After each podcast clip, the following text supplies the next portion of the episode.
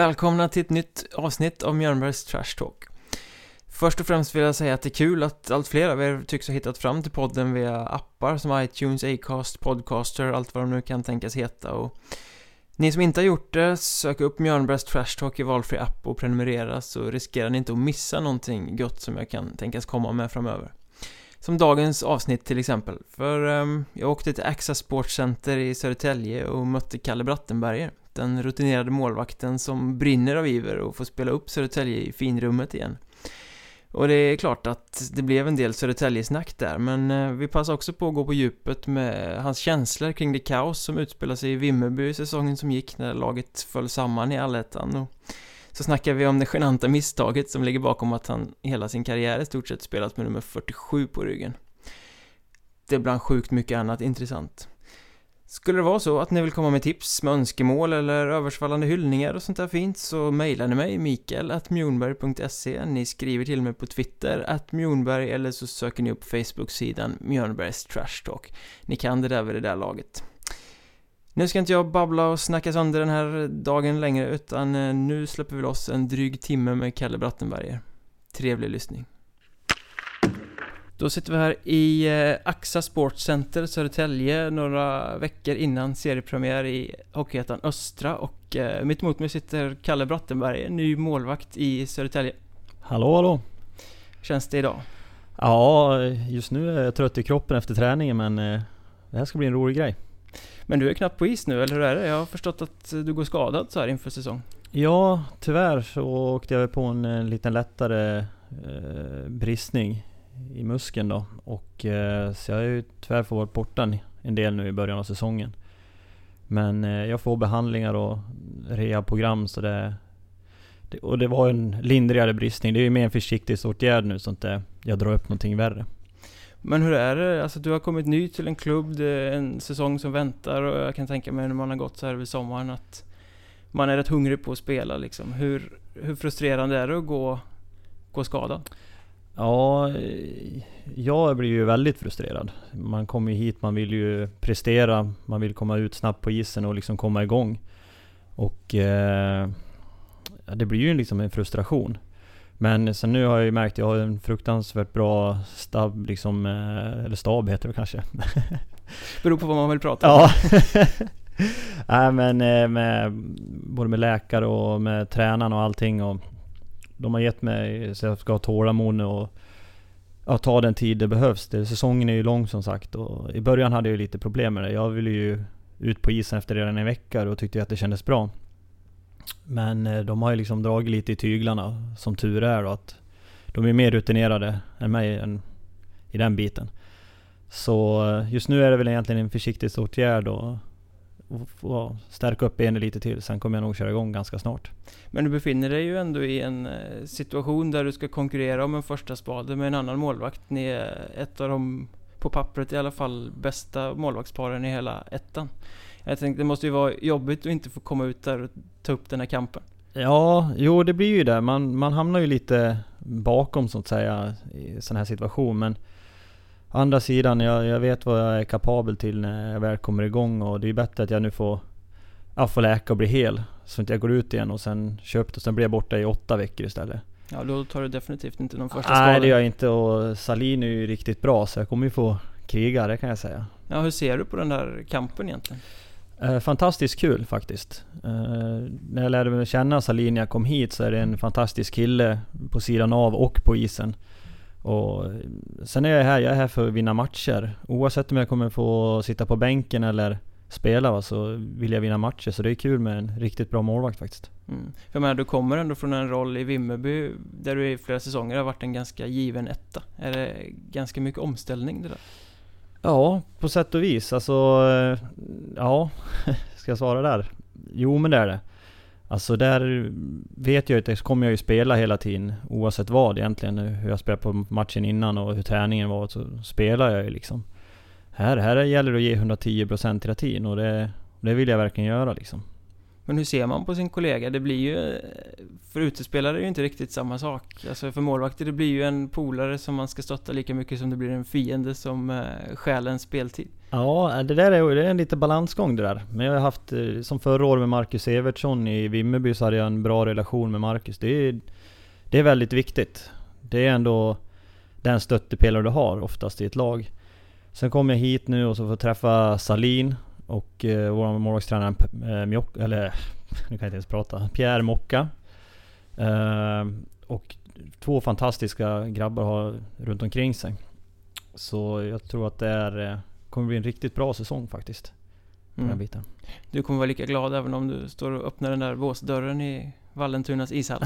ja, alltså man vill ju alltid spela, så är det ju. Eh, annars sitter jag och ljuger. Men eh, som sagt, jag är här för att vinna matcher och det bästa laget på pappret ska spela för att vi ska vinna. Jag vill inte komma hit och förlora några matcher va? Och det kommer ju som sagt bli tuffa matcher.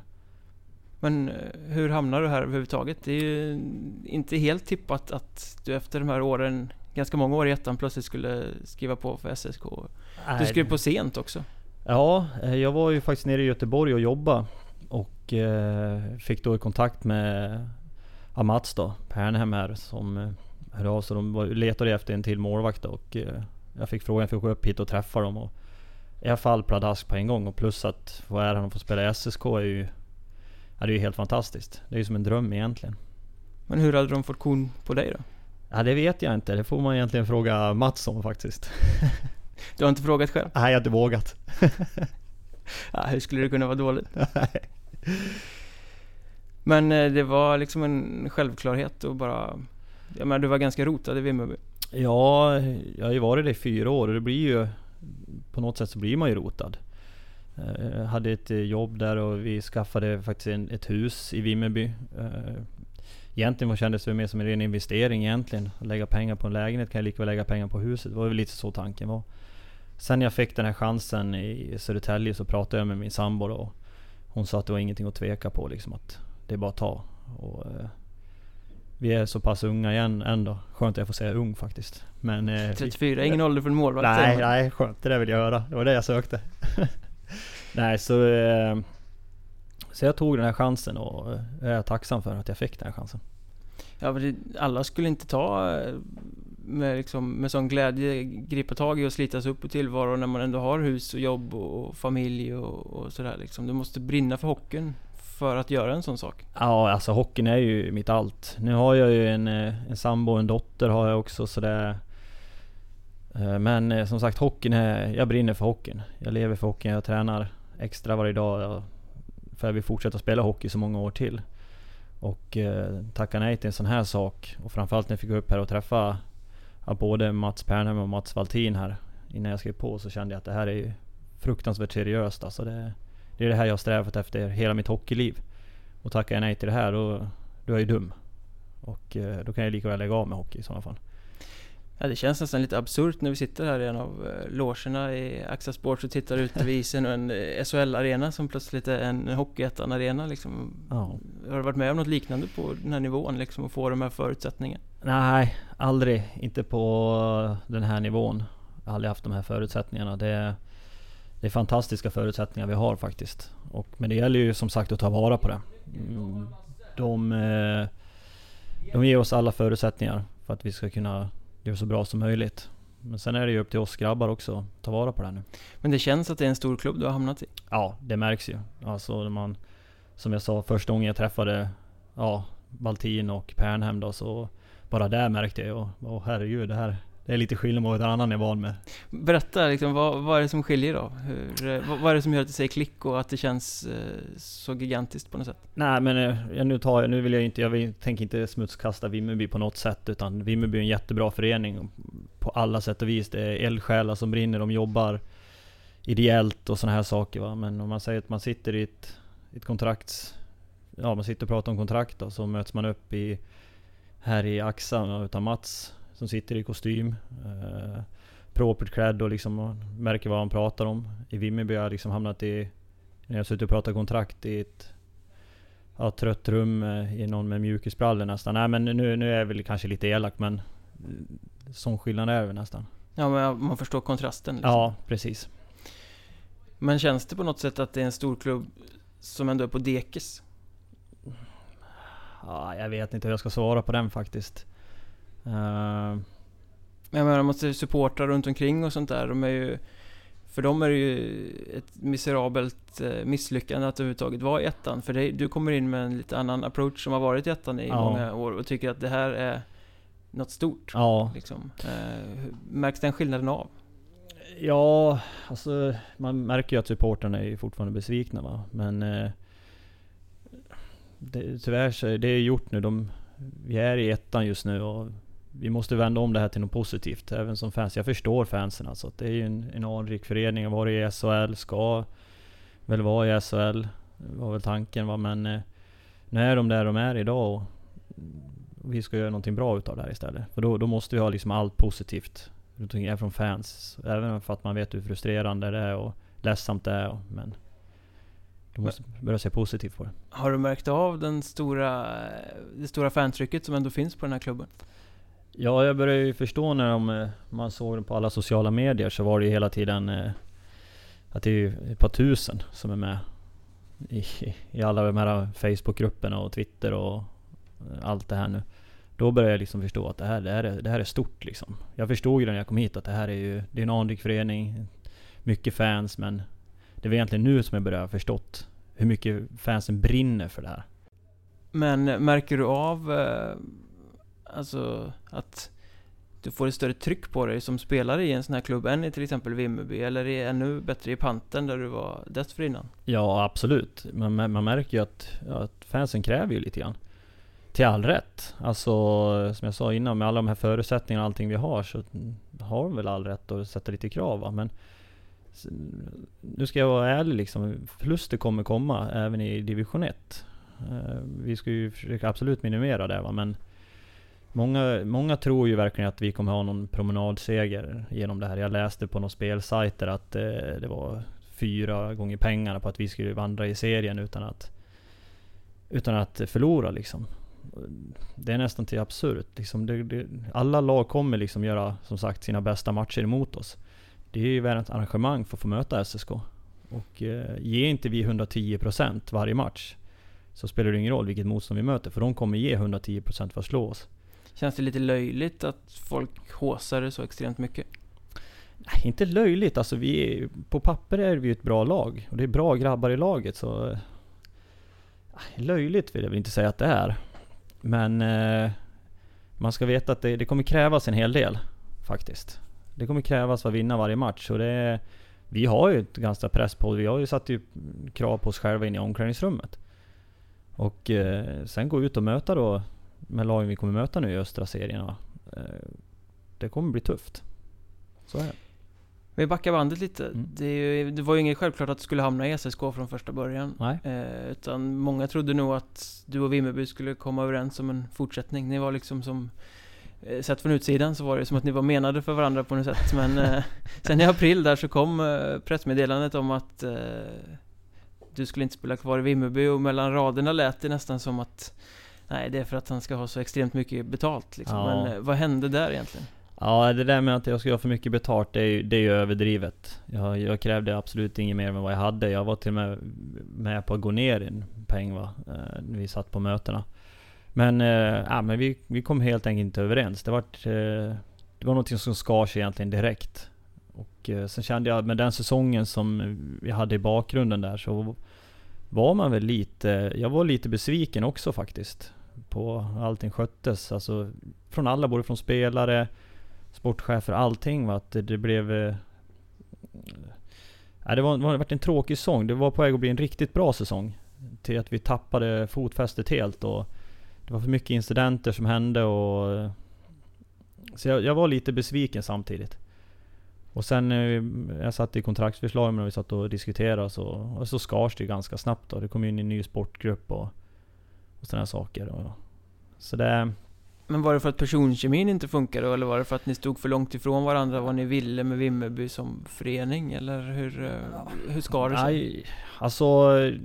Jag vet inte hur mycket jag kan gå in på där men eh, jag hade ju två möten egentligen. Först innan säsongen var slut och då eh, kom vi väl egentligen nästan till överens. Att ja men det kontrakt ser bra ut. Och sen så när jag var på andra gången mötet då, då hade de ju ändrat om hela kontraktet åt mig. Och, och då sa jag det att, eh, att det, det, var ju det var inte riktigt det vi var överens om. Och eh, sen fick jag ett par dagar på mig. Sen fick jag till exempel, där har du då, då fick jag på ett sms att jag skulle bestämma. Och då skrev jag att jag vill inte förhandla mina kontrakt på ett sms. Va? Och eh, ja, då var det ju ingen kontraktsförhandling på sms utan det var bara mitt bud. Då var det bara ett ja eller nej jag fick svara. Och då sa jag det att, eh, men vi har inte, inte, inte kontrakt vi kom överens om. Och just nu ser ju kontraktet alldeles för dåligt ut. Och då fick jag reda på att ja, då vill inte du spela i Vimmerby Hockey. Där avslutades det egentligen. Och sen så stod det i tidningen efter drygt en månad då. Så jag liksom hörde ju ingenting mer ifrån dem heller. Så, så där hamnade vi ungefär. Men kändes det surt när det där pressmeddelandet kom? Uh, ja, både och faktiskt. Eh, som jag sa i början, jag var, jag var lite besviken för säsongen. Jag var, det var mycket, jag var förbannad, alltså jag var faktiskt förbannad. Från att vi kunde gjort någonting riktigt bra utav det här så slängde vi bort det. En, en säsong, alltså jag är 34 år och jag har ju kanske inte så många år kvar på nacken va. Men, eh, och sen kändes det som att en säsong bara slängdes bort. Så, men så, man ville ju ha en revansch på den här. Och jag, jag trivdes ju jättebra i Vimmerby på alla sätt och vis. Ing, inget ont om Vimmerby Hockey. Det är en bra förening. Som. Ja, annars stannar man väl inte fyra säsonger i sträck och köper hus och uh, rotar sig? Liksom. Nej, nej precis. Nej, nej, jag trivdes jättebra. Eh, verkligen jättebra i Vimmerby. Och, eh, men det var, det var någonting som skar sig där på, på slutet faktiskt. Och så när jag fick den här chansen då kändes det nu, nu känns det som att jag har gjort allt rätt. Alltså nu, är, nu är jag bara glad för det som hände kan jag säga. Tack för att ni dumpar mig. Liksom. Ja, lite så faktiskt. Men eh, du säger här du är 34 år och, och så här liksom. Mm. Känner du också att du har nått en sån nivå eh, med din hockey att du inte kan ta vad som helst? Jag menar, en ung kille som kommer upp kan ju tänka sig att spela för en påse jordnötter liksom, för att få chansen att komma vidare i karriären. Um, så just nu som är, jag har ju, det är väl inga jättelöner i Södertälje heller. Kan jag ju inte påstå. Det är ju liksom, en del jobbar, eller många jobbar ju här också. Eh, Likaså jag kommer ju få hoppa in och jobba lite halvtid och sådär. Och jag ser, när jag skrev på för Södertälje så såg ju inte jag no någonting i pengar. Utan eh, jag har en, lite sparkapital och jag kommer använda det. För jag vill, jag kommer hit och se träningsmöjligheterna, min utveckling och så får man se vart det leder med Södertälje. Så jag, pengamässigt åkte jag inte till Södertälje, där kan jag säga. Utan jag åkte hit för jag såg möjligheten att bli en bättre hockeyspelare. Det, det låter kanske sjukt, jag är 34 år men den dagen jag kommer tappa den gnistan, den dagen kommer jag lägga av. Ja, jag som precis tänkte ställa frågan, ser du det här som liksom den sista anhalten i karriären? Uh, nej, absolut inte. Nej, jag tänker då liksom inte att du ska lägga av om ett år eller så, utan att du liksom har kommit hit och ska kanske ge det här ett antal säsonger och, och vara här tills, tills det är dags att lägga plocken i garaget och börja spela golf på allvar istället. Ja, oh, herregud. Stackars de golfproverna kan jag säga. Uh, Alltså får man chansen att vara kvar i en eh, sån här fantastisk förening så det säger man ju inte nej till. Eh, som sagt, som hockeyspelare är det här en dröm. Kan jag säga. Det är det verkligen. Och eh, jag kommer träna på och se, och se vart det leder helt enkelt. Men du har gjort en ganska gedigen resa genom Hockeyettan får man ändå säga. Du, jag tror att det var säsongen 11-12 som du återvände till Vimmerby. Kan ja, det stämma? Det stämmer nog. Ett, det stämmer. ett Vimmerby som då precis hade tagit sig tillbaka upp i ettan. Ja. Um, kan du berätta lite om den resan du gjorde där egentligen? Hur, eh, hur utvecklades både du och hockeyn under den? Uh, ja, jag var ju som sagt i panten i två år innan dess och uh, innan dess så hade jag, flög jag ju runt då lite grann. Jag var ju i USA och testade lite. Jag hamnade i Antwerpen. Är det Belgien? Ja, precis. Ja, hur är hockeyn där? Ja, alltså för, för min del var det ju riktigt bra. Jag hamnade ju i ett lag där vi hade tre, fyra importer. Och jag fick ju 40 50 skott varje match. Och eh, vi mötte ju en del lag som hade 11-12 importer. Så jag hade ju att göra. Så så utvecklades jag. Jag fick ju se en annan miljö, andra omklädningsrum, andra ishallar. Jag fick ju se liksom bakgården av hockey. Och eh, ändå lära mig liksom börja fokusera på vad jag skulle göra. Så det, det var ett nyttigt år. Eh, faktiskt. Uppskattar du miljön bättre hemma när du kom hem sen? Ja, det vill jag lova. Det var, ja, det var mycket sköna grejer där som hände men... Ja, låt höra, låt höra. Nej men du vet, ett ställe var ju, jag kommer inte ihåg, det var ju Liège tror jag om det var en gammal biosalong slash fängelse som var ishallen låg i, ett gammalt då. Och när man gick till exempel in i duschen så var det liksom ett rör med, som man hade borrat hål i, i rören. Så där droppade det ner vatten. Det var liksom duscharna liksom. Och eh, en var ju i en lagård vid en bondgård. Eh, Löven vet jag spelade där. Så det luktar ju rent ut sagt kossskit i hela ishallen. Ja, det, var, det var mycket sånt där som var eh, fantastiskt nu i efterhand man sitter och skrattar åt. Men när man kommer in i de där små fotbollsomklädningsrummen som de hade om man skulle ut och spela så tänkte man vad i hela friden hände här? Får inte plats ett par benskydd Nej, det var knappt kan jag säga. Men eh, som sagt, jag hade ett fantastiskt roligt år och ett bra år. Då började jag utvecklas faktiskt rejält.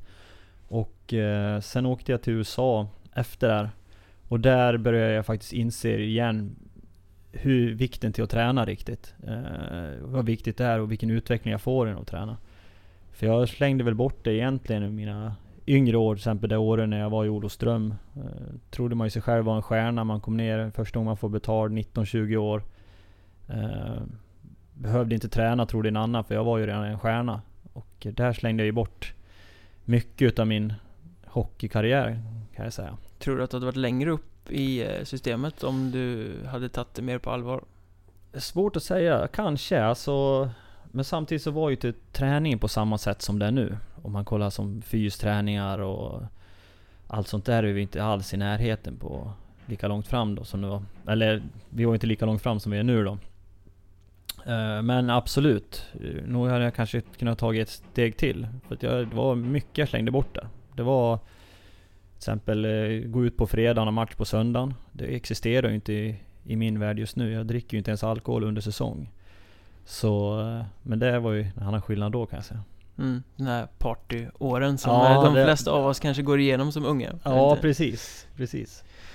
Men då var du en mer en bättre målvakt och en mer mogen individ när du kom hem från eh, staterna då menar du? Ja, men där, där fick man liksom lära sig att det, det, är, det är stenhård träning som gäller. Om eh, man ska ta sig någon vart liksom. Och eh, där började jag verkligen inse det att shit, ju mer jag tränar ju bättre blir jag. Och eh, så jag kom hem så fortsatte jag hålla i det där och började träna stenhårt, vilket jag gör nu. Jag tränar ju alltid, försöker alltid ligga ett pass extra hela tiden. Men att att, eh, att man måste träna och att det är roligt att träna? Ramlade den poletten ner samtidigt eller att det är kul att träna? Är det någonting du har fått lära dig längs, längs vägen för att klara av det liksom? Ja, men, alltså, men det, det blir lite så. Alltså, ju mer du tränar och ju mer du börjar se hur du utvecklas, då blir det roligt. Liksom. Däremot börjar du fuska på till exempel på träningar, fysträningar och sådana här saker, då blir det ju tråkigt. För då åker du och slänger bort en och en halv timme genom att fördriva tid på någonting du tycker är tråkigt egentligen. Ska man göra det, ska man göra det ordentligt. Precis, annars kan du lika väl vara hemma liksom. Det, så är det. Men panten då i alla fall, kom mm. du till. Mm. Uh, är det så jävligt i Kirsebergshallen som alla säger? jag hade ju... ja, vi var faktiskt i Malmö stadion de två åren jag spelade där. Ja just det, ja. Panten var ute där ja. på vift ett tag. Ja, vi var där. Så, ja, det... så du har inte fått uppleva den svenska bakgården? Nej, jag fick, jag, jag hade någon match där och då hade vi inbrott i ishallen och då var de inne och stal eh, grejerna medan vi var på match. Så det var väl den upp, upplevelsen jag fick av Kirseberg då. Sen var vi visserligen där och tränade några träningar och sådana saker. Så det, ja, allsvenska lagen. Visst, de kommer ju spela Malmö stadion nu också mm. visserligen, men eh, fördel att spela på hemmaplan där kan jag säga. Mm. Men hur hamnar man ens i panten? Det är ju inte ett, nu har de gått upp till Allsvenskan mm. och liksom blivit ett succélag men om man tittar de senaste eh, mängden år, det är inte ett lag som har gjort sig känt för att satsa. Nej, utan jag bodde jag åkte ju tillbaks, jag var ju till Louisiana var jag och eh, hamnade i en situation där de, eh, de flyttade ju ner målvakterna i de ligorna där. Från NHL ner till AHL och AHL ner till East Coast och East Coast ner till SPHL. Och, och så det kom ju två målvakter till. Och de visste ju då inte om de skulle ha kvar de här målvakterna. Så jag fick ju liksom den chansen att jag skulle vara kvar och vänta. I den här vevan så eh, hade jag en målvaktstränare som heter Jimmy Sälen som är nere i Panten också. Och så hade jag kontakt med Andy Svärd som är mental tränare. Båda var ju där nere. Och eh, de behövde mål. Alsenfelt gick ju till Växjö. Ja just det, han var lysande där ja, Ja, ja herregud. Han gjorde det bra. Och, eh, så de behövde en målvakt ganska akut. Så då fattade jag ett beslut att eh, jag flyttade hem till eh, Malmö då. Och tjejen var ju hemma i Sverige så det, det passade ju perfekt liksom. Fick vi flytta ihop igen då så. Så jag fattade beslutet att åka ner till Panten och spela där. Var det två bra säsonger? Absolut. Eh, Läromässigt, eh, första året gick vi till allettan och eh, det är lite skillnad. De, de, har väl, de har ju sin trogna publik. En fantastisk klack ändå. Fy- Fyra pers eller? Ja, men de kör på gubbarna. De, är, de krigar på bra. Ja, jag såg du var uppe och eh, hängde med dem Ja. i, i kvalserien nu som Ja, gick. ja, uppe i Västervik där. Gick jag bort och hälsade på. Ja, men det, det är sköna grabbar faktiskt. Riktigt sköna grabbar och med gott hjärta. Så det är alltid kul att hälsa på dem. Men... Eh, ja men det var två lärorika år. Eh, andra året... Det var ju lite ekonomiskt... Blir ju lite... Vi har ingen publik och sådana här saker. Så ekonomin blir ju lite... Ja, lidande så att säga. Den blir vad den blir. så Ja, säga. precis. Så det var, vi hade lite problem andra året där. Och, eh, men det var, det var också två fantastiska år. Vi fick möjlighet att träna mycket och sådana saker. Så det var bra. Men då var det lite ett eh, oskrivet kort kan man säga för den svenska Ja. publiken. Och visst, du hade varit i Olofström, du hade varit i både Västervik och Vimmerby Ja. innan också va? Men liksom inte riktigt eh, satt det på kartan. För en större publik i alla fall. Nej, Eh, kände du att det var åren i Panten som du började komma på radarn lite? För sen när du blev värvad till Vimmerby igen så... Då var det ju liksom ett namn på ett annat sätt. ja det är lite som du säger. Jag var ju iväg, jag flackade ju runt. Jag var ju inte hemma i Sverige så mycket och jag var ju någon, två år i Vimmerby. En halv säsong i Västervik var jag ju. Jag kom ju hem där också då från USA och sen körde jag ju då i Västervik. Eh, så när jag kom till eh, ja, Vimmerby så att säga, då var väl egentligen då allting. Eller ja, det började blomma lite grann i panten också. Men när jag kom till Vimmerby då hade jag ju börjat fått ett namn då. Jag har ju visat mig lite grann i Hockeysverige. Och sen eh, rann det på i fyra år. Fyra ganska bra år. Ja, ja det, det har gått bra och kurvan har ju faktiskt pekat uppåt. Eh, statistikmässigt förra året, ja visst det blir väl sämre men man ska inte stirra så blint på statistik. Det har jag också börjat lärt mig nu med den här åldern som tur är kan jag säga. Har du stirrat mycket statistik genom karriären? Eh, ja, det, det blev ju så. För det, många tittar ju statistikmässigt. De bryr sig inte så mycket egentligen hur matcherna sett ut. Utan de kollar ju bara på ett papper och så ser de ju räddningsprocent och sen så dömer de ju efter det. Ibland kan det ju finnas all rätt till det va, men ibland så är det ju inte så. Man får se liksom vilket lag man hamnar hur ser laget ut för tillfället och vilka matcher har man tappat ner statistiken och så här va. Men eh, jag kommer ihåg i både första och andra till och med tredje år så kom jag väl tvåa i målvaktsligan innan jul varje år. På någon, jag vet Alexander Berg där i Hästen tog mig två år, jag höll på att bryta ihop över det där kan jag säga. Ja, men det var inte mycket som skilde. Nej, nej. Jag tänkte nästa år ska jag ta nästa år ska jag ta och så var det lite som skilde så det... Så tre år hade jag sådär. Tänker man på det när man står där i, i kassen också att liksom, fan jag måste ge mig tre skott till då så jag kan ta de här så att jag kan pressa ner den här statistiken. Nej, nej, nej, utan nu, nu gör man inte det. Du kan inte, lägger du ner fokus på det, då har du lagt ner fokus på fel grej liksom. Eh, statistiken får bli, eh, blir han bra efter säsongen slutar det en bonus. Så är det. Det är viktigt att du egentligen går ut och vinner matchen nu. Det är, det är absolut det viktigaste. Ja men så är det väl, du har varit i USA och spelat en del, att där tittar man väl betydligt mer på antal vunna Ja. matcher för en målvakt än i Sverige där man gärna tittar på det här insläppta mål och räddningsprocent och... Precis, det där tittar de ju på det som en vinnare liksom. Eh, De skiter fullständigt om de vinner med 8-7. Eh, Då är du en vinnare liksom. Eh, De bryr sig inte alls i sta- statistiken och sådana här saker. Och de, de, är, de vill bara ha vinnare liksom.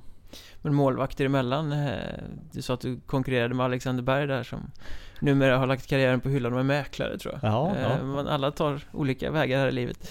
Eh, Men eh, lägger man fram statistik och jämför eh, sinsemellan och sådär, hörru du, jag var lite bättre än dig här förra säsongen. nej, nej faktiskt inte. Jag tror faktiskt aldrig jag har upplevt den, den grejen. Utan, eh, Det sägs ju att ni är rätt konstiga individer, ni som är målvakter. Så ja, ja det, det stämmer nog. Det stämmer nog. Vi, jag tycker vi är sköna individer faktiskt. Vi är, vi är nog lite mer bohemer. Jag tror att vi är målvakter lite trevligare människor tror jag. men är det en klyscha till, till viss del det här att man säger målvakter är konstiga, man måste vara knäpp för att ställa sig där liksom och de har massa extra för sig så här. Jag tycker ofta att de målvakterna man träffar och pratar med är ganska trevliga och inte alls introverta och märkliga. Nej, alltså jag tror ju att det där kommer väl egentligen om man... Då får man nog dra bak klockan ett, par år va. Eh, då var man väl säkert lite halvknäpp. Jag hade ju aldrig ställt mig en kasse utan en hjälm till exempel. Då måste det ju vara någonting som inte stämmer uppe i knoppen. Va? Men, eh, så jag tror väl lite grann att det är därifrån det kommer. Att, eh, att man är knäpp som målvakt. Eh, jag säger ju till exempel handbollsmålvakt. De, de kan ju inte alla få i hagen alltså. Bandymålvakter. Bara, nej herregud. Ska inte falla mig in på kartan kan jag säga.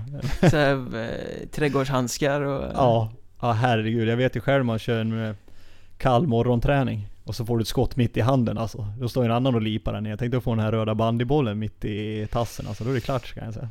Ja, men det, det är, gör det ont som hockeymålvakt också, gör det inte det? Man, man vänjer sig. Man, eh, oftast får man ju skott på samma ställe som eh, du kanske fattas lite skydd och sådana grejer. På något sätt så lär man sig härda ut den här smärtan.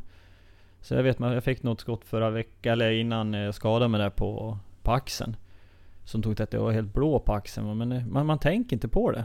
Men däremot hade du kommit och gått fram och gett mig en knytnäve på axeln nu, då hade jag säkert ramlat ihop här och legat och skrikit. Men när, man, när pucken träffar så slår, man slår bort det på något sätt. Man får lära sig att hantera smärta då på något sätt. Ja, ja men lite så blir det ju. Du, liksom, du får ju. Jag har fått en hel del skott på knäna eftersom jag ett tag trodde att jag hade himen-knän och inte behövde knäskydd. Alltså.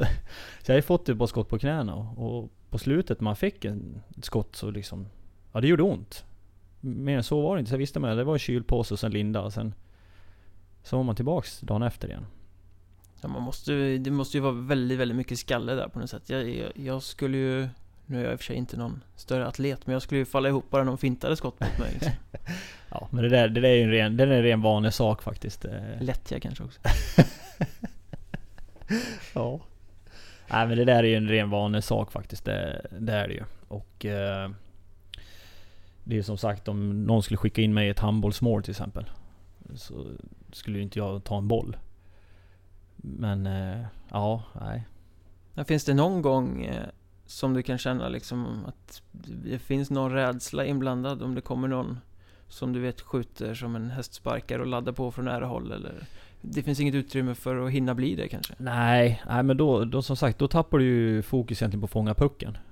Det är ju den du vill fånga. Om jag så ska ta en mitt i huvudet så då tar jag ju fortfarande pucken. Det är den inställningen du ska ha. Och du har, när, när det är match, då tappar jag hjälmen så kommer jag fortsätta till domaren blåser. Så är det.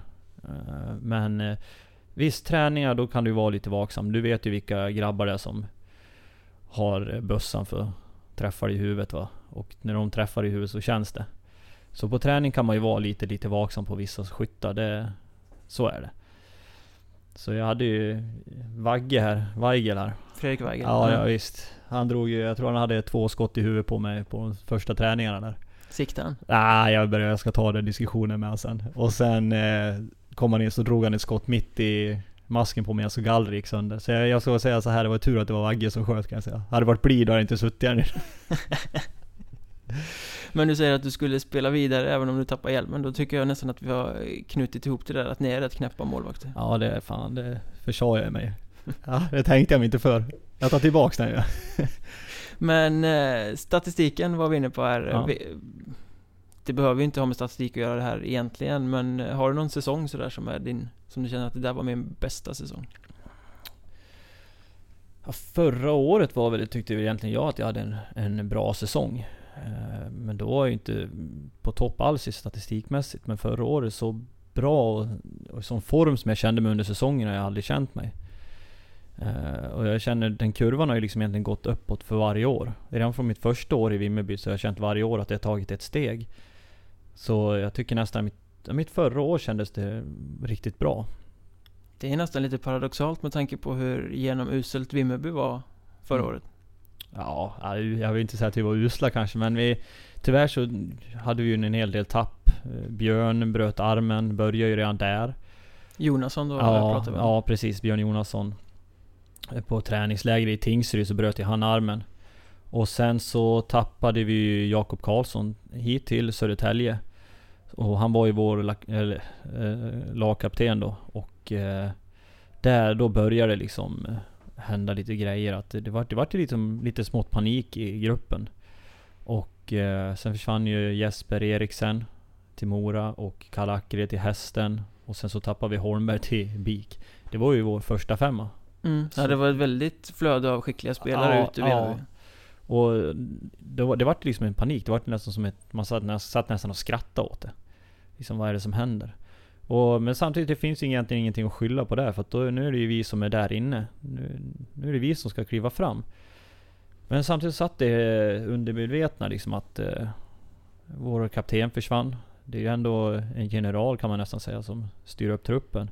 Nu fick ju Wahlberg ta den bördan. Och gjorde väl bra, men det är ju inte lätt att gå in efter Jakob Karlsson och ta över en kaptensbindel bara och tygla massa hästar liksom. Nej, alltså de flesta man pratar med säger att det kanske var en, en eh, brytpunkt det där när just Jakob Karlsson försvann. Att det var liksom symbolen på något sätt för förfallet som började därefter. Ja men precis, det var alltså det, det kändes ju liksom redan, jag kommer ihåg jag kommer ihåg det som det var igår redan inne i omklädningsrummet. Eller när jag satt inne i omklädningsrummet och Jakobs plats var tom liksom. Då kände jag liksom att jäklar det här, det är tomt utan Jacke. Han, han säger inte mycket och han, men han har ändå en pondus in i omklädningsrummet och, och tyglar alla spelare på ett bra sätt. Då börjar jag märka eh, redan där att det här kan gå lite snett nu. Men, eh, men sen så sen gjorde vi ändå skapligt ändå ifrån oss. Och vi, Ni tog er till allettan? Ja, vi tog oss till allettan ändå och vi krigade på bra. Men sen så började ju alla tapp. Då försvann ju våra, våra backar, första backparet. Och sen så försvann ju Holma liksom efter det sen. Och då var det liksom... Det var, det var, det satt i det undermedvetna liksom. Det kollektiva psyket klarar inte av de motgångarna eller? Nej men lite, lite så blev det ju faktiskt. Vi... På bortaplan var vi urusla. På, hem, på hemmaplan var vi ju bra ibland. Så det... Ja men det var ju som ett episkt breakdown i allettan på något sätt. Ja. Eh, plötsligt så åkte ni och fick spöa med 7-1 och allt vad det var ja. mot, eh, mot klubbar som ni egentligen kanske skulle slå eller i alla fall ja. spela jämt med på bortaplan. Ja jo men det var ju det, var ju det som var helt otroligt. Och då tänkte man, ha nu, är det skit i sig. Men så kom vi nästa hemmamatch och då var vi ändå bra. Då tog vi poäng och vann. Jag tänkte, ja men nu har vi fattat det här. Nu är det vi gubbar som är här. Nu kan vi sluta sitta här och böla och tycka synd om oss själva. Utan nu går vi ut och kör. Sen åkte vi på nästa bortamatch och hopp, där hände det igen då. Så var man om på ruta noll igen och fick börja om då. Sen kom nästa, så vi höll ju på sådär hur länge som helst. Men eh, att, att det är en smäll rent sportsligt, det fattar ju alla. Det, det räcker ju med att, titta på namnen som försvann och se att det där ersätter man inte mitt under en säsong när man är en, en hockeyettan-klubb med kanske inte så jättestora medel att, att röra sig med. Men var det så också då att det fanns ingen som kunde ställa sig upp och ta det mentala ledarskapet i den där gruppen? Ja, alltså det som hände var ju att det var ju, det var ju många som ville åt den här Eh, ville bli en ledare i laget. Det, det, blev, det blev tyvärr lite fel. Det vart lite häxjakt i laget. Eh, nu ska inte jag sitta och berätta för mycket vad som har hänt, men det... Det hände ju lite onödiga saker liksom, och sen... Sen hände det lite mer onödiga saker som egentligen i slutändan, man summa summarum, så var det väl egentligen inte jättefarligt. Men det vart liksom ett irritationsmoment och det blev ju liksom någonting att skylla på. Och eh, så var det så många som ville ha den här ledarrollen. Och sen så var det ju kalabalik sen, blev det Blev det intriger i gruppen liksom? Ja, lite, eller intriger i gruppen, men lite, det var ju lite så här småtjafsigt och... Eh, vi alla drog, hade ju lite olika viljor där. Och vi hade ju liksom egentligen ingen då som som Jakob Karlsson som hade slagit ner näven i bordet och sagt att nu jävlar håller ni käften och så gör vi vårt jävla jobb. Utan det var ju liksom, alla ville ha del av den här ledarkakan liksom. 15 små påvar som ska Ja, lite så vart det faktiskt, tyvärr. Och det var ju varken lätt för Sandelin eller Fredrik Jansson och dem att styra det, för de hade ju ett Ursäkta att jag sitter och svär, men det är ett rent helvete egentligen med oss. Det, jag, jag leder ju, nu efterhand så lider jag med dem också som fick vara med om det här med. Att det var ju, vi la ju ner mer fokus på att, att styra och ställa vad som är rätt och fel än att spela hockey vart det ett tag.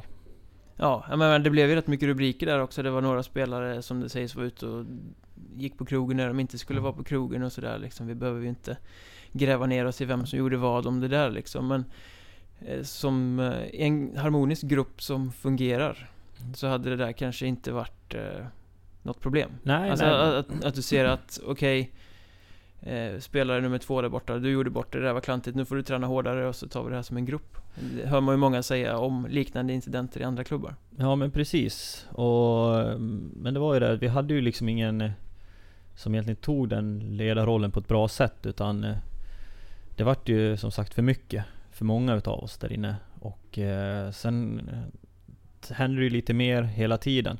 Även om vi nu trodde att vi hade pratat ut om det här som ett lag, vad som skedde. Sen åker vi iväg och så åker vi på stryk. Och sen så smyger det fram en till lite sån här grej. Och då, då fanns det ju perfekta ursäkter. Uh, här har du syndabockarna. Uh, och, uh, så, så, det blir det blir ju fel. Hela, Var, varför hela tror du att folk slutade ta sitt ansvar och sväva iväg åt olika håll så som hände? Ja, det är så svårt att svara på. Vi alla är ju olika individer. Va? Som jag, jag är som sagt jag är en träningsmänniska. Jag, jag tränar hela tiden. En, en del känner att de behöver inte träna. En del vill inte träna. De tycker att de, är, de håller ändå för just den här divisionen. Va? Och jag har väl lite en annan inställning där. Utan jag, jag, vill ju, jag vill ju som sagt uppåt. Det vill säkert de grabbarna också. Men de är, de är ju som sagt, de är ju yngre än en annan. Jag har ju själv varit, jag kan inte sitta och hugga för mycket. Jag har ju själv suttit i den situationen precis de har varit i. Och, och eh, trott att allting löser sig utan att träna ändå. Men eh, så där blev det en annans frustration. Jag liksom har så mycket rutiner runt om innan match, eh, dagen innan match, eh, samma dag som match. Och sen så får man reda på att vissa då har varit, ja, varit ute på fredagen. Ligger kanske och sover hela lördagen. Medan en annan är upp då och kör morgonfys på lördagsmorgon för att jag ska vara förberedd för matchen. Går och lägger mig vettig tid, äter rätt. Och sen så har du då de som inte gör det. Men å andra sidan så kan ju inte jag sitta och kräva sånt utav andra spelare. Alla laddar ju upp på olika sätt. Och, eh, så, det, så det blev lite fel allting. Men det här att, som du sa tidigare att eh, du var förbannad efter säsongen. Att det spillde över innan ni skulle prata nytt kontrakt och sånt där också. Det måste ju ha grundat sig i allt det här att det inte funkade, att allt bara liksom blev pannkaka. Ja, men det var, jag var, jag var faktiskt besviken. Jag, var, jag kände att det här var en bra säsong. Jag ville inte att min säsong skulle ta slut. Eh, jag eh, fick en chans att åka med ner till Panten och eh, jag var med på dem, jag var med i slutet med dem också då, innan stoppet där. Och det löste sig inte där. Vimmerby skulle behövde hitta en ny målvakt och det vart, så jag fick ju tacka nej först och sen så hittade de ju en målvakt men det var ju sista sekunderna och så, så det, tyvärr så löstes det inte. Så där, där satt jag och grodde också lite grann. Så du hade kunnat vara med i den här eh, truppen som avancerade upp till eh, Allsvenskan? Ja, jag, jag, hade, jag hade fått den chansen och eh, det, det, det brann i mig. Alltså du ska veta under kvalserien, jag satt och följde det här alltså. Det var, jag visste att där hade jag kunnat vara med nu och fått med och spelat och tränat och hållit på med någonting som jag fortfarande älskar. Nej men då slutar min säsong 15 februari. Så det, det var, det brann i mig lite grann då faktiskt. Lite bitterhet kan Ja, lite sur, gubbsur kan jag väl säga. Ja, 30, 34 år gammal så har man rätt att vara gubbsur. Då är man gubbsur. Eh, men vad var, vad var din roll i, eh, i den här liksom, försökte du ta någon ledarroll i det här kaoset som uppstod eller höll du dig på din kant och körde sura målvaktsstilen? Pressa ner huvudet mellan benskydden och bara köra ännu hårdare? Uh, Ja, alltså jag är väl inte den som... Jag kan ju ta ton och liksom ryta i ett omklädningsrum, absolut. Det kan jag göra. Men samtidigt så vet jag att det krävs så mycket. Jag fokuserar ganska mycket för min sak, liksom, eh, för matcher och sådana saker. Så jag vill ju egentligen inte lägga ner för mycket energi på allting. Men visst, jag var... Eh, jag var också liksom förbannad som vissa andra var och liksom sa vad jag tyckte och tänkte liksom. Men... Eh, en del var väl mer framåt och tog det ansvaret egentligen och fick ta den skitgörat så att säga. Mer än vad jag fick göra då. Eh, så jag var väl... Jag var väl inte delaktig. Jo, jag var väl delaktig liksom. Man vart ju som i två olika grupper egentligen. Så jag, jag sa ju min åsikt men sen var det inte så mycket mer än så egentligen. Nej. Men eh, ändå rätt starkt att kunna göra sin sportsligt bästa säsong när man har den här eh, kaotiska situationen runt omkring sig. Ja, men som sagt, jag, jag vill ju... När jag går ut på isen och är match, då, oavsett vad jag tycker och tänker vad som har hänt och skett i, i ett omklädningsrum, eller, så vill jag vinna matchen. Ja, men det är inte alla som skulle klara att fokusera. Så många tar med sig skit från jobbet hem till privatlivet och det med ja. problematiska saker. Det är inte bara att trycka på en knapp och stänga av. Nej, ja, men det där, det där ska jag faktiskt, det kan jag ju nästan ta och tacka har Jimmy Säler som jag hade i Panten och Andy Svärd, han är mentala coachen, det är ju någonting fantastiskt. Där lärde man sig vad som är viktigt och vad man ska tänka och hur man ska fokusera. Och det har du med dig nu liksom? Som, eh, Absolut. Jag har ju lärt mig idag att eh, koppla av på ett annat sätt. eh, Stänga av.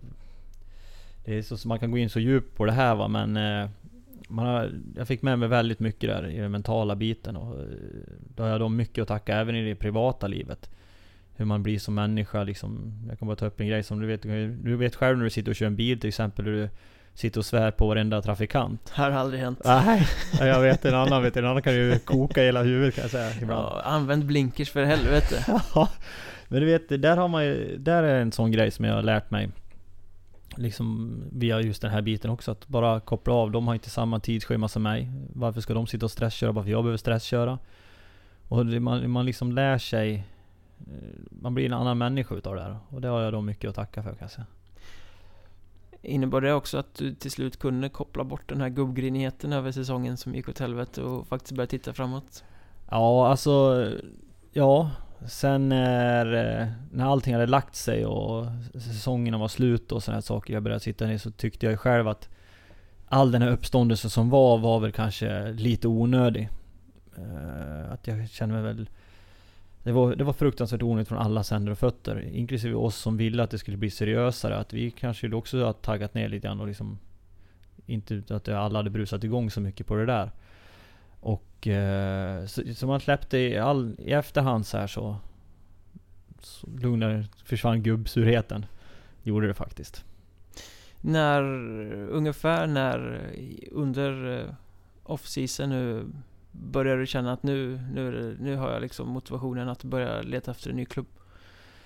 Eh, ja, svårt att säga faktiskt. Jag... eh, Det var- kom ju det första april var det va?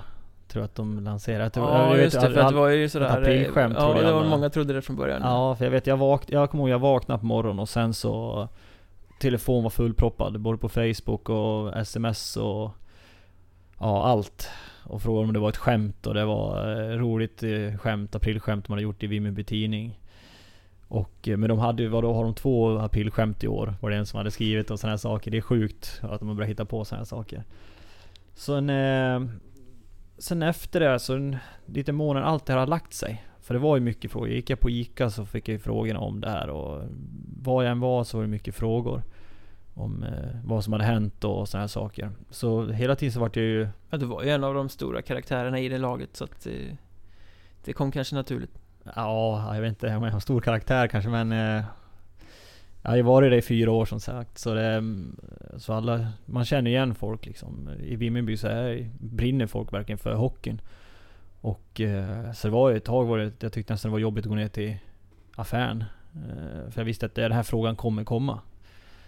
Och, eh, men sen efter en månad efter det så då började jag liksom att släppa och liksom inse att nej, men det är det här som gäller nu. Det är... Ja, jag, jag får hitta någon annan klubb helt enkelt då. Men Vimmerby brinner för hockeyn. Mm. Eh, ändå så förhandlade du med Västervik.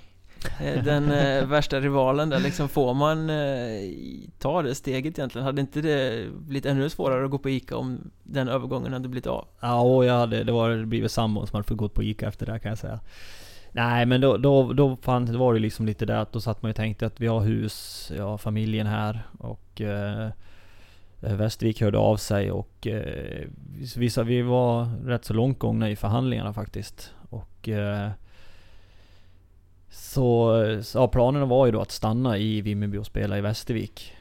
Det hade varit en chansning kan jag säga men eh, Nej, jag tror det hade gått bra ändå. För att, eh, ja, många visste ju lite vad som hade hänt och så här, att det hade skurit sig och så, här, så jag, jag tror att folk ändå hade accepterat det. Sen hade jag nog fått hört det på matcherna, det kan jag väl garantera dig. Men eh, jag tror att folk hade köpt det ändå till slut. För det är en ganska intensiv rivalitet mellan de där två klubbarna. Ja, det, är- det är hat. Det är ren skär hat är det faktiskt. Och eh, så, det, så det, det hade ju varit Det har varit lite speciellt faktiskt att ha på sig en Västervikströja. Faktiskt. Men eh, å andra sidan sån, sån, är, sån är branschen. Det, det är faktiskt så. Och jag, jag vill ju spela hockey.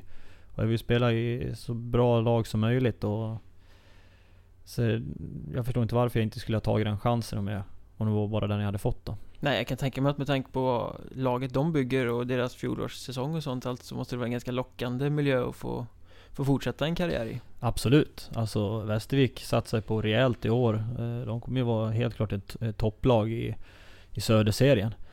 Och eh, det hade ju, just då så hade det ju känts kul att få vara med på den satsningen också. Eh, men nu, nu hamnar jag här och det är jag ännu gladare för kan jag faktiskt säga. Hade jag fått valt det så hade jag fortfarande nog valt Södertälje. Ja, du får en ungefär lika stark klubb och slipper hatet. Ja, ja faktiskt. Faktiskt. Men Har du, är du liksom hårdhudad nog så att du tror att du hade kunnat hantera det? Alltså, folk går och skriker på stan och sånt där. Om det här nu hade blivit Västervik? Uh, ja, alltså.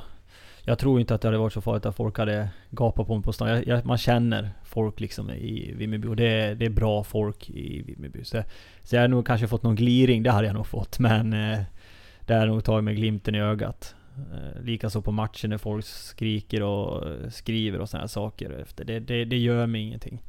Jag är så pass gammal så det är liksom, visst det är någon som tycker att jag är totalt värdelös. Ja men tyck det då för guds skull. Det gör mig ingenting. Det, det, det, det köper jag då. Men du var på väg till Västervik, väldigt bra klubb i Hockeyettan. Du hamnar i Södertälje, också väldigt bra klubb i Hockeyettan. Det har aldrig varit på tapeten att fortsätta ett steg ännu högre upp och avancera till Allsvenskan. Eh, Jag har ju som mål, mitt mål är ju att ta mig, jag vill ju uppåt i seriesystemet. Det jag tror jag att alla hockeyspelare vill. Ja, den som vill neråt så har jag nog inte träffat än. Nej, jag menar det och eh, som sagt, eh, många, man får ju mycket frågan om just åldern och att man är 34 och att man är på nedgång liksom. Så, men varför skulle jag det liksom? Så länge min kropp håller och jag känner att jag, jag klarar av att prestera, då, då vill jag satsa uppåt. Sen vet jag att det är ju svårt alltså. Det är ju, Hockey-Sverige är ju lite åldersrelaterat, alltså vi är lite faktortionerade. Eh, och eh, så för mig att ta sig upp till Allsvenskan är ju ett hårt jobb. Och det är det som kommer krävas då. Men förhoppningsvis så får man väl vara med med Södertälje Ja, nu spela upp SSK. vara med. Det är, ju, det är ju verkligen den stora drömmen. Ja. Har du haft något eh, erbjudande någon gång? Längs alla de här åren som du har gjort bra ifrån dig i ettan? Jag har aldrig något så konkret. Jag har alltid, man har ju fått lite, lite frågor för många, många år. Men det, det har aldrig varit någonting så här speciellt så. Utan jag har varit en division 1 målvakt. Jag har ju varit fast och sen har jag ju i Vimmerby så skrev jag ju väldigt tidigt i alla år. Mm. Jag skrev ju i december, januari, februari. Jag, jag, jag liksom Varför då? Eh, trivdes. Jag kände att eh, min utveckling inom hockeyn gick uppåt. Och eh, Vimmerby satsade var ett bra lag. Så det, jag tyckte det fanns egentligen ingen anledning för mig att försöka springa iväg någon annanstans. Utan eh, jag, jag fick vara med på deras resa också. Och det, och det var ju liksom en ära det med. Mm. Så det, jag kände att eh, många gånger eh, så fanns det ingenting att tveka på där egentligen heller. Men det känns som att du måste kunna lagen och spelarna där i, i västserien ganska bra efter de här Ja, fyra åren. ja, jo det gör man. man. Man kan, man kan allting. Jag kan varenda flisbiten i omklädningsrummen känns det som. Jag sitter på samma ställe varje gång och... Ja, jag kan precis allt. Tänkte jag säga. Men eh, är det vissa spelare då också som du vet kommer vara eh, lite jobbigare mot dig än, än andra, så att säga? Nej. Eller hur, vi kan säga så här, hur ser fulspelet mot målvakterna ut idag egentligen? Åker ni på mycket tjuvsmällar som vi på läktaren inte ser? Eh, ja, det kan, det kan ju smälla lite över handleder och på händer liksom och såna här saker. Någon som nyper över vaderna och såna saker. Det, det kan hända. Och sen när de ramlar ner, att man känner att de trycker till klubban extra ner i njurarna på en. Men det är hanterbart. Det, klarar man ju av. Och, men det, är- det är mycket snack. Mycket snack är det. Jag vet förra året vi mötte Ja, var det Borlänge tror jag. Då, när jag gick ut på isen då hade de ju ställt en kille där nere som skulle stå och trashtalka mig. Men då, då tänkte jag så här, men kom igen nu grabbar alltså. Jag, jag är inte 20 år och bryter ihop nu. Vad, vad vill du ha sagt? Och då försökte han ju berätta för hur värdelös jag var och sådana saker. Det, det bara triggar ju igång en ännu mer liksom. En motståndare liksom. Eller en, kör igång och börjar trigga mig. Men Ja. jag, jag bara skrattar. Jag gör ju det varje gång. Oavsett vad liksom. Snackar du tillbaka någonting liksom? Nej, inte, inte, inte under match. Utan då, då liksom bara... Då låter de att prata, sen bara skrattar jag och sen kopplar jag bort. För jag, jag har andra saker att fokusera på. Jag, jag måste ju fokusera på att ta pucken. Börjar jag lägga ner min tid för att jag ska gå runt och tjafsa med massa spelare ute, då har jag ju liksom öst en hel del energi på bara göra en sån sak. Och det, det känns inte riktigt som min uppgift. Utan det, det finns det andra grabbar som kan göra. Sådär. Men du skrattar åt det, säger du, för, finns det något sätt, nu ska man väl inte avslöja för mycket, du ska ut och spela en säsong här, men eh, finns det sätt att få det ur balans liksom? Nej, jag, jag tror, alltså när jag var yngre, ja då, då fanns det, då kunde du nog kunna åka fram och säga så här, Fan vad dålig jag är Brattenberg. Då började man säga, åh fan vad är jag dålig? Ja, det, det kan jag säga. Då, men när jag var i den åldern, 21, 22, ja då kunde det ske. Men nu, eh, nu skrattar jag för jag vet ju vem jag är och jag vet vad jag är kapabel till. Och, men sen visst, det finns alltid folk som tycker att jag är totalt bedrövlig. Va? Det, det kommer det alltid finnas. Så, så det vet jag ju om. Men jag, jag, jag liksom, det bara rinner av. Det, är ingenting. det spelar ingen roll vad folk säger. Hör man det ens? På isen. När gubbarna åker fram och försöker vara personliga och stå och prata med en. Ja, då, då hör ju det. Men på läktaren, visst man hör ju ibland någon, någon som skriker ut och sådana saker. Men man, man, man tänker inte på det faktiskt. Nej, för många säger ju också det, målvakter, att de går in i bubblan och så hör de ingenting och så ja. kommer ut efter 60 minuter effektiv speltid. Liksom. Ja, jag, jag är ju verkligen sån. Jag har ju en sambo, hon, vi pratar inte ens med varandra matchdagar. Hon vet ju att hon bara, ja men jag, jag går ut nu, jag, jag åker iväg och tränar eller jag går ut och går med Alva. Så hon, hon vi, vi syns knappt matchdagar. Mina föräldrar ringer inte ens mig innan matchdagen. För de vet att det är bara fräs i telefon. Och, gubbgrinig alltså? Ja, jag är, jag är riktigt, jag är riktigt gubbgrinig. Det kan du fråga vem som jag har spelat med som helst. Som att, de kan nog erkänna det. Det är ingen idé du frågar med någonting i ett omklädningsrum. Alltså, jag, jag bara skickar upp en arg blick. Alltså, helt omedvetet. Jag tänkte faktiskt inte på det själv först. Folk började verkligen nämna på det liksom efteråt. Fan vad grinig du är liksom innan. Så, men jag är, jag är så inne i mitt liksom och... Jag, jag vill inte prata med någon utan jag är, jag är verkligen i min bubbla hela tiden. Även de matcherna när du vet på förhand att du inte ska stå utan bara ska vara andra keeper? Nej, då, då, då slappnar jag av på ett annat sätt. Och det, det måste jag göra. Eh, men samtidigt måste du vara förberedd liksom. Men eh, jag går absolut inte in i den bubblan då, utan den energin sparar jag liksom till när jag ska spela själv liksom. Men hur blir det då om du måste hoppa in? Då kopplar jag på den.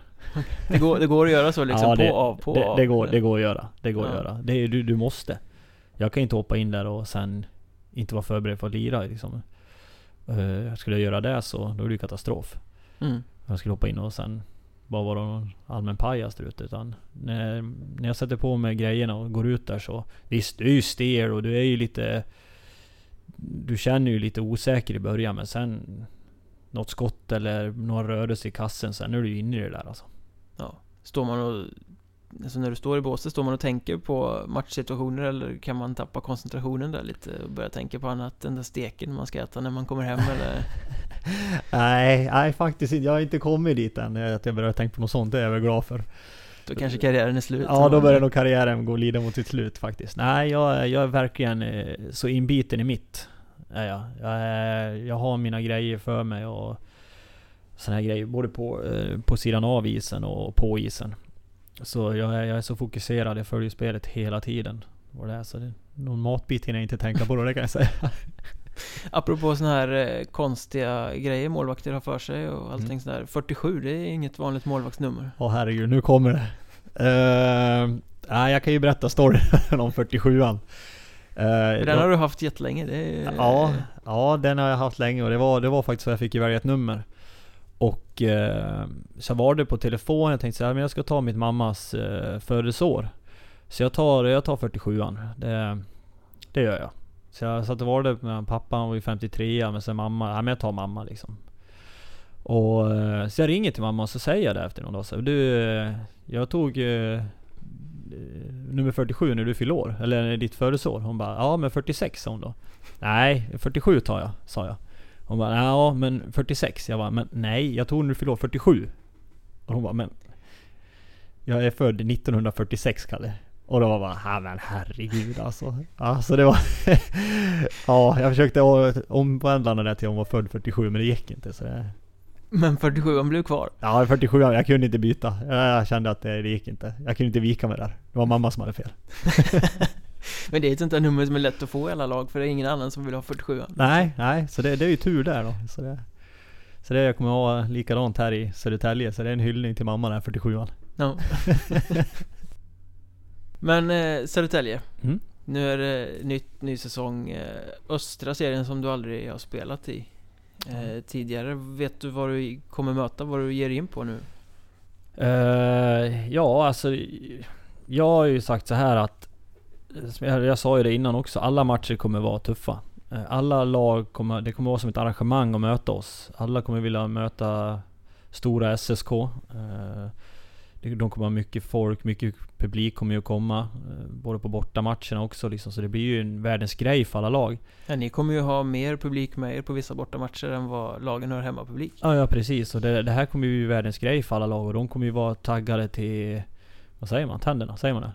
Det är väl någon sån skön klyscha man kan köra. Ja, vi säger taggade till tänderna säger vi. Eh, Och... eh, och är inte vi med och vi åker ut och tror att vi ska göra här, den här serien på någon halvdans alltså då... Det kommer inte funka. Utan... eh, Det kommer vara lika tufft här för oss som det kommer vara för en hel del lag nere i Söderserien. Det kan jag lova. Och vi har... eh, Alltså... Vi mötte Kumla och Kumla är ett bra lag. Och eh, där de vänder till 3-3 mot oss. Bara där får vi liksom en liten knäpp på näsan. Att eh, det krävs stenhårt jobb Ja. liksom. Loggan på bröstet innebär inte per definition segrar. Nej, absolut inte. Utan det är mer en tändvätska för de andra. Att eh, de får möta SSK liksom.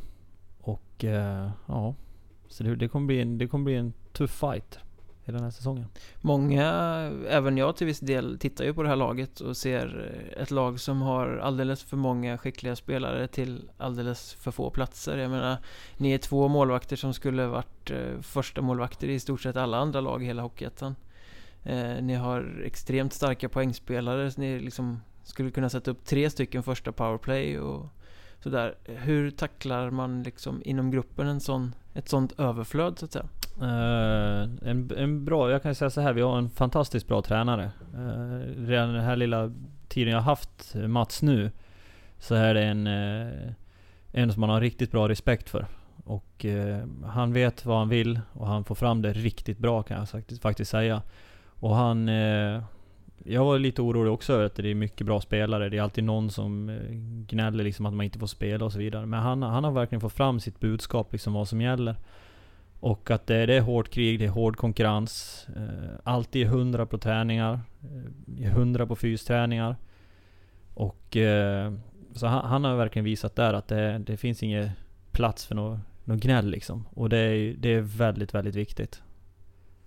Ja, vad tror du skulle hända om det skulle bli gnäll i den här gruppen? Ja, jag vet faktiskt inte. Jag tror, jag tror faktiskt inte... Jag, nu har man lärt sig känna grabbarna ganska bra. Och jag, jag ser ingen faktiskt i det här laget nu så här att det är någon gnällspik. Utan alla, alla krigar på. Alla har köpt det här. Eh, alla känner det som att det är en ära att få spela i SSK. Det är inte, det är inte läge att sätta sig och gnälla för att man inte får spela. Utan alla börjar inse och förstå nu att det är 100% som gäller. Och eh, det har de ju faktiskt gjort det bra. Brukar man annars, eh, du har varit igenom många olika upplagor av olika lag genom karriären, brukar man kunna liksom identifiera gnällspiken ganska tidigt på en försäsong? Ja, det, det brukar man ju. Gnället kommer ju oftast. Eh, ofta en del frustration och sådana saker att man börjar gnälla, ah, men jag får inte spela si och så här mycket och, och sådana saker. Och det, det, det, det finns alltid sådana som tycker att de ska spela mer och ibland är det till all rätt kanske men eh, ju mer du gnäller ju sämre blir det för din egna del. Som sagt, du lägger ju fokus på helt fel sätt. Och Snackar ute på bänken liksom. Ja, ja precis. Ja, men det blir att du lägger ju fokus på helt fel saker. Och eh, vad, vad gör man för att komma tillbaks då? Jo, det är ju bara att träna. Träna hårt, gå ut och visa framfötterna att det är tränaren som har fel. Och inte tränaren som har rätt. Det är din enda chans. Har, har du spelat i något lag som har haft så här liksom väl omförsett med så många som ska, ska kriga om platserna? Nej, alltså jag, så många av den kalibern som det ändå är med Hockeyettan mått mätt om man säger så. nej, alltså jag har aldrig spelat med så här många bra hockeyspelare i samma lag. Det har jag faktiskt aldrig gjort. Och eh, det är det som kommer bli så fantastiskt kul. Att vara med med alla de här grabbarna på den här resan. Det ska bli helt fantastiskt faktiskt. Du och Jonas Westerling är äldst i det här laget. Det är ni Mm. som eh, får dra den här gubbfanan liksom. Ja, Eh, eller dra, man drar väl inte en fana, då drar man den i smutsen och då blir supporterna arga. Men eh, eh, känner ni att ni måste ta ett extra ansvar för det förhållandevis ungt lag ändå? Ja, jag vill ju faktiskt koppla på några stycken där. Uh, Blid, han kommer ju lindrigt undan i det där snacket. Det är väl han. Jag ty- 30 va? ja, han är 30 men... han, eh, han, han ser jag som äldst. Och sen Westerling. Sen kan jag väl ta det assisterande biten på den. Ja, för blir det helst en eh, mentalt gubbe redan. nej, nej det är så, jag trodde ju faktiskt eh, först att det var Westland som var äldst. Och eh, sen att jag var i samma ålder som Blid. Men jag hade ju tokfel i hela vägen där. Du har kanske en mental ålder yngre än eh, 34? Ja, det kan jag säga. Min mentala ålder är nog 18. Eh, jag tror ju själv att det är, det är som om man sitter och pratar med grabbarna. Jag sitter och pratar som en 20-åring. Beter mig som en 21-åring. Så ibland förstår jag att tjejen är helt eh, hopbruten på mig det här, men det kan jag förstå ibland. Så du triggas igång också av att spela ett lag med mycket 20, 21, 23, 24-åringar? Ja, men det är kul alltså. Man, man, man känner sig fortfarande ung ändå när man är med sådana grabbar och... eh, det- När man, man håller på med lagsport och alla är oftast yngre så, så blir det ju att du... Du faller ju in i den flocken och du beter dig ju som att du är i den åldern. Liksom, hur hade det varit där om jag hade suttit med benen i kors och druckit min kaffe och läst min tidning? Där inne varit en riktigt tråkgubbe. Det är ju inte riktigt. Jag, nu har jag, druckit, jag har ju börjat dricka kaffe nu visserligen och har börjat twittrat. Det är ju mitt... Ja, Gubbsteg. även du kan utvecklas. Ja, det trodde jag faktiskt inte riktigt där. Inte i den där världen. Men det har jag gjort. Du och Salin som du krigar med nu, är ni också ganska lika personer? Uh, vad ska man säga om Salin? Han är... Det är, det är en rolig prick är det. Jag skrattar. Jag, varje gång jag för en dialog med Salin så avslutar vi alltid med att jag står och skrattar. För han har sagt någonting som är så jävla roligt. Eller har något uttryck för någonting. Så han är... Det är, en, det är faktiskt en eh, väldigt rolig och trevlig kille faktiskt. Lärde du dig någonting av honom rent eh, målvaktstekniskt också? Jag tänker, har ni det utbytet? Ja, absolut. Eh, vi har ju lite olika spelstil så, får jag väl säga. Jag, eh, jag är väl lite mer hybridmålvakt. Jag är väl lite mer till den biten. Salin är väl lite mer till Batfro, men ändå är han ju... Han är så lugn i sin spelstil. Och eh, det har jag faktiskt imponerats väldigt utav när jag tittar på träning, att han är så lugn i allt han gör. Så det, det kommer jag nog försöka ta efter en hel del faktiskt. Mm. Du är ganska liten för att vara målvakt. Ja, Hur eh, kompenserar du det? Eh, Jag får ju använda min, min snabbhet egentligen. Det är väl egentligen det jag har levt på i många år. Att vara snabb och läsa spelet framför allt. Har ju varit att försöka vara steget före hela tiden. Och eh, i och med det här nu med Mocka som målvaktstränare så vi börjar ändå på slipa på små detaljer också. Eller i- målvaktstränarens ögon är det kanske stora detaljer. en gammal gubbe han får börja köra med här vet du. Ja, Han bryter, han bryter ihop snart Mocka där ute på isen. Nej men han, så vi kör... eh, Så på det här så har vi börjat att att finslipa en hel detaljer. Så det kan, det kan faktiskt bli riktigt bra där faktiskt. Hur mycket, det var en ny serie som du kliver in i så Mm. också. Hur mycket kollar man på motstånd och sånt där? Vad man ska, ska kika eller möta eller eh, liksom nöjer man sig med sitt eget och sen så tar man det därifrån? Ja, jag ska faktiskt välja. Jag, jag, väldigt sällan jag kollar upp motståndarna. Utan jag, varje match jag går ut så spelar det ingen roll vad som står på bröstet på dem. Utan jag, jag går ut och kör. Jag vet att jag, jag måste vara på tå hela tiden. Det är liksom inte, det är inte 60-70-talet nu att då, då, var- då var det så stort glapp mellan allting. Men det är inte det nu. Grabbarna i de andra lagen kan skjuta också. Och eh, de kan dra finterna också. Oavsett vad det står på bröstet. Vad, de kommer få lägen på match. De kanske visst, de kanske bara har 10 skott. Och det är ju då sådana matcher som är svåra att spela också. Alltså det, det gäller att vara med hela tiden. För att... Eh, står jag och funderar på ah, men vi möter det här eh, laget idag. Ah, men det här är ju... Det är ingenting jag behöver tänka och ta i på. Då kommer det kanske ett rappskott och så är jag inte med. Va? Och då sitter ju pucken. Men jag menar, när du spelade västserien då hade du mött lagen många gånger. Får du ett friläge mot, säg Skövde eller eh, Forshaga eller vad som helst så ser du ju vilken spelare det är. Du har en förförståelse på ett annat sätt att ah, ja, han kommer troligtvis försöka dra den på den här sidan. Eller tvärtom. Den rutinen måste du ju ha haft. Ja, och nu blir det ju alltså helt blank, blank sida så att säga. Ja, men det, det, det finns ju positiva sidor med det med. För att du ska ju egentligen inte tänka för mycket. Visst, sen kan det ju finnas spelare som du vet, han skjuter alltid på plocken. Han skjuter alltid där. Så bara var, ha tålamod, och var kall här nu så kommer han skjuta mitt i handsken på dig om du har han rätt. Men, eh, men det, det kan ju ha sin, det kan ju vara en nackdel också. För de här killarna har gått nu och tränat på att strunta i att skjuta på plocken den här gången. Då är jag såld. Utan De vet att Brattenberg, han står alltid och flaxar med ja, plocken. precis. Ja det är Brattenberg, det är bara att gå på sidan där. Nej men, eh, så det, det, finns ju både för och nackdelar med det där faktiskt. Och eh, fördelen nu det är väl att, beroende på dem, jag har inte en aning om vissa spelare. Och då tänker jag inte så mycket på det utan då ska jag gå ut och egentligen bara göra mitt jobb egentligen. Karriären blomstrar, låter det som. Ja. Eh, du befinner dig exakt där du vill vara efter lite turbulent vår, kan man säga. ja. Eh, vart slutar det här då? Förhoppningsvis i eh, någon gång i slutet av april där så står jag och bara skriker ut min glädje med SSK kan jag säga. Det, det hoppas jag. Har du stått i kassen då eller eh, är det du som öppnar dörren och släpper in eh, de jublande medspelarna på isen i sista kvalserieomgången? Nej, jag, jag, hopp, jag hoppas att jag står i mål, alltså att jag är i kassen och det är absolut, det är ju målet, det är ju som sagt. Men jag vet ju att det kommer bli stenhård konkurrens med Salin. Det, det är ingen snack om den saken. Det är en riktigt bra målvakt jag har att göra med. Det är det bästa målvaktsparet du har ingått i? Ja, ja framförallt med den rutinen han har. Han sitter ju ändå varit i Allsvenskan och skolad i Brynäs och sådär. Han varit uppe i Leksand så det är absolut. Det, är en, det kommer vara en riktig kamp alltså. Men riktigt kul. Alltså jag, var, varje dag när jag är och tränar så är det kul. Och det är, det är fantastiskt att känna den känslan ska jag säga. När man tränar två till tre gånger om dagen. Att man tycker varje gång man åker ner hit så är det roligt. Då hoppas vi att det blir en riktigt kul säsong också. Ja, ja det, det hoppas jag med. Det kommer det bli. Kul att du ville vara med. Det har varit jättetrevligt att få vara med. Tack. Tack.